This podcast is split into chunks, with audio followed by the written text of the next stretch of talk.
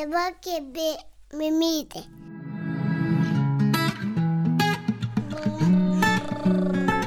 Kabo mama.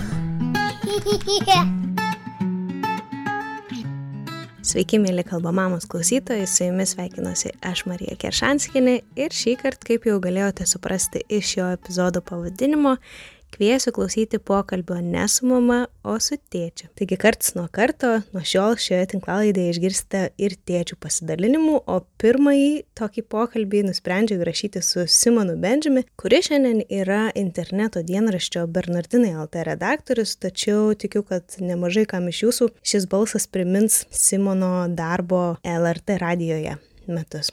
Dabar jau net nepamenu, iš kur Simoną pažįstu, bet mane visuomet labai žavėjo jo sugebėjimas valdyti plunksną ir žodį, visai nejučia priverčiant šypsotis, tai iškart perspėju, nors to buvo galima tikėtis, kad šio pokalbio metu vietomis tikrai buvo sudėtinga valdytis ir nesijuokti. Kita vertus, aš tikrai labai jau džiaugiuosi tokiu nuotaikingu ir smagiu pokalbiu.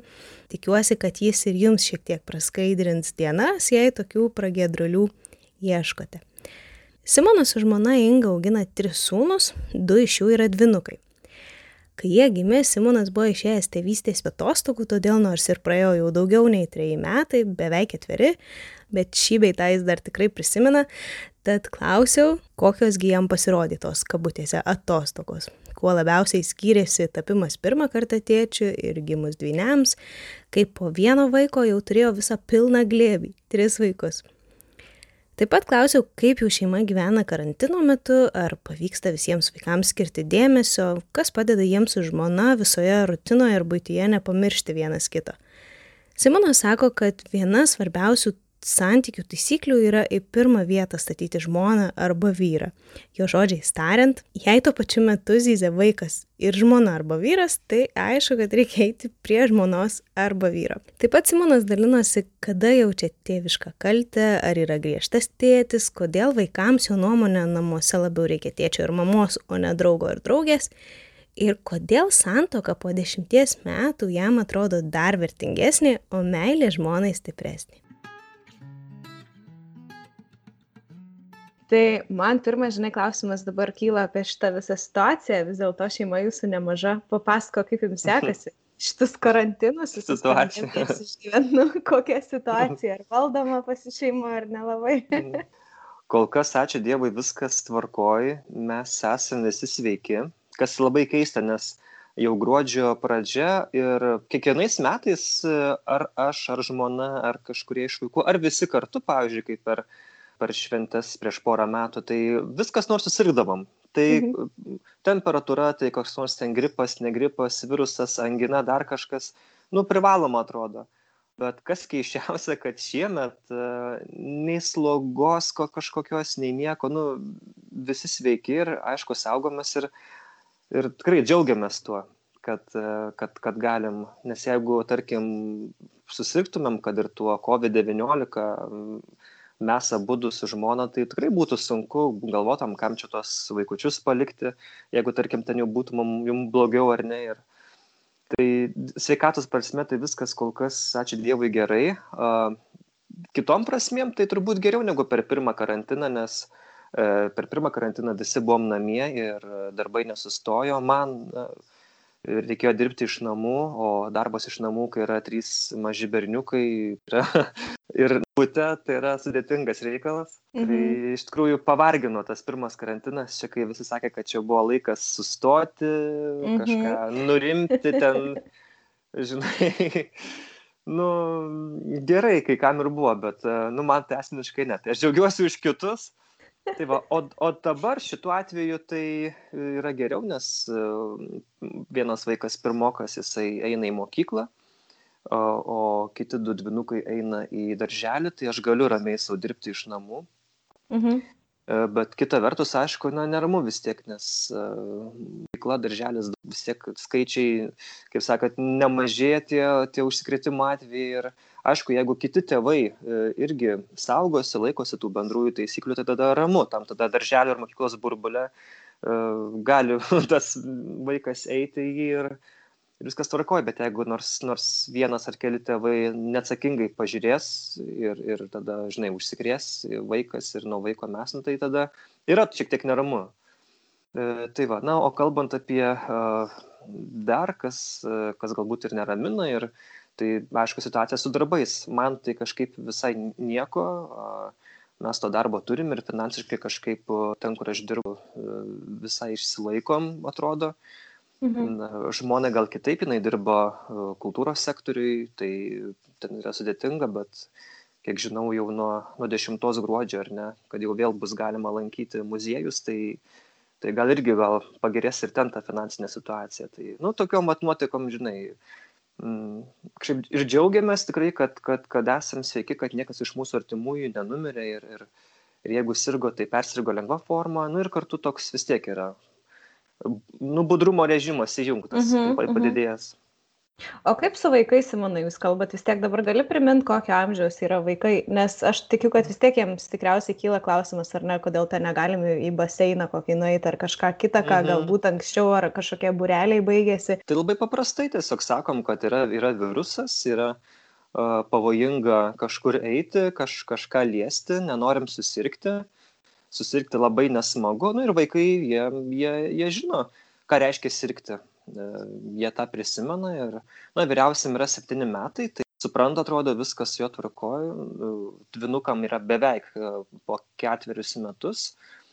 Tai kažkaip bandom vis aiškinam, labai, nu, labai elementariai, paprastai. Tai aišku, jau vyriausiam jau sako, jau atsibodo, jau vis šneka ir šneka apie tą koronavirusą nu taip sakau bet dabar va toks toks laikas ten laukiam tų vakcinų išras arba mes pasisaugosim ir ir ir jau nebebus to viruso įveiksim jį. Tai kažkaip mhm. aišku liūdna čia aš prisimenu buvo čia praeitą savaitgalį vieno mūsų bičiulių, bičiulių šeimos vaiko, vos negeriausio draugo, sunaus septynmečio mūsų gimtadienis ir ir kvietė ateiti. Ir mes sakom nu ne mes įteikim tiesiog nueikim į kiemą įteikim dovanėlę per atstumą ir ir ir viskas. Negalim būt tam gimtadieny nes dėl virusas saugomas nu tai buvo tada aišku liūdna ir, ir, ir mhm. vieniem ir, ir vieniem ir kitiem bet nu o ką darysi aš atsimenu kai net ir kažkur šiek tiek skaitinėdama, žinai, vis tiek reikia paguglinti, kas tas Simonas Benčis ir ką tai internetas rašo. Tai, žinai, radau tokį straipsnį, um, pokalbį su tavim ir ten labai tokia iškalbinga antraštė, kad kažkaip man 28 ir aš jau turiu tris vaikus. jo, tai mano, mano žmona. Mano žmona sako, jeigu būtų mane kalbinusi, tai sako aš būčiau sakiusi kad man jau kiek tenais trisdešimt ir aš jau turiu keturis vyrus kaip tu jauteisi žinai e, man tokie vat du lūžiai man atrodo yra visai įdomus kai tapai tėčiu pirmą kartą ir kai tapai antrą kartą su dvinukais. Aš žinau, kad iškart išduosiu klausytojam, kad jūs visai tikėjotės tų dvinukų, ar ne, nes kiek žinau, mhm. ir pas tave kažkaip giminė, ir pas žmoną buvo, tai jo, jo, jo, jo. kaip, kaip lyg ir laukėt, ar ne, kad gali čia Taip. būti, nebuvo milžiniška staigmena. Tai e, papasakok, ar tu atsimeni apskritai va tą tavo, nežinau, kad um, jūsgi kūrėt tėčio reikalai, taip, tėčio užrašai. Tėčio užrašai, taip, tėčio taip, taip. užrašai.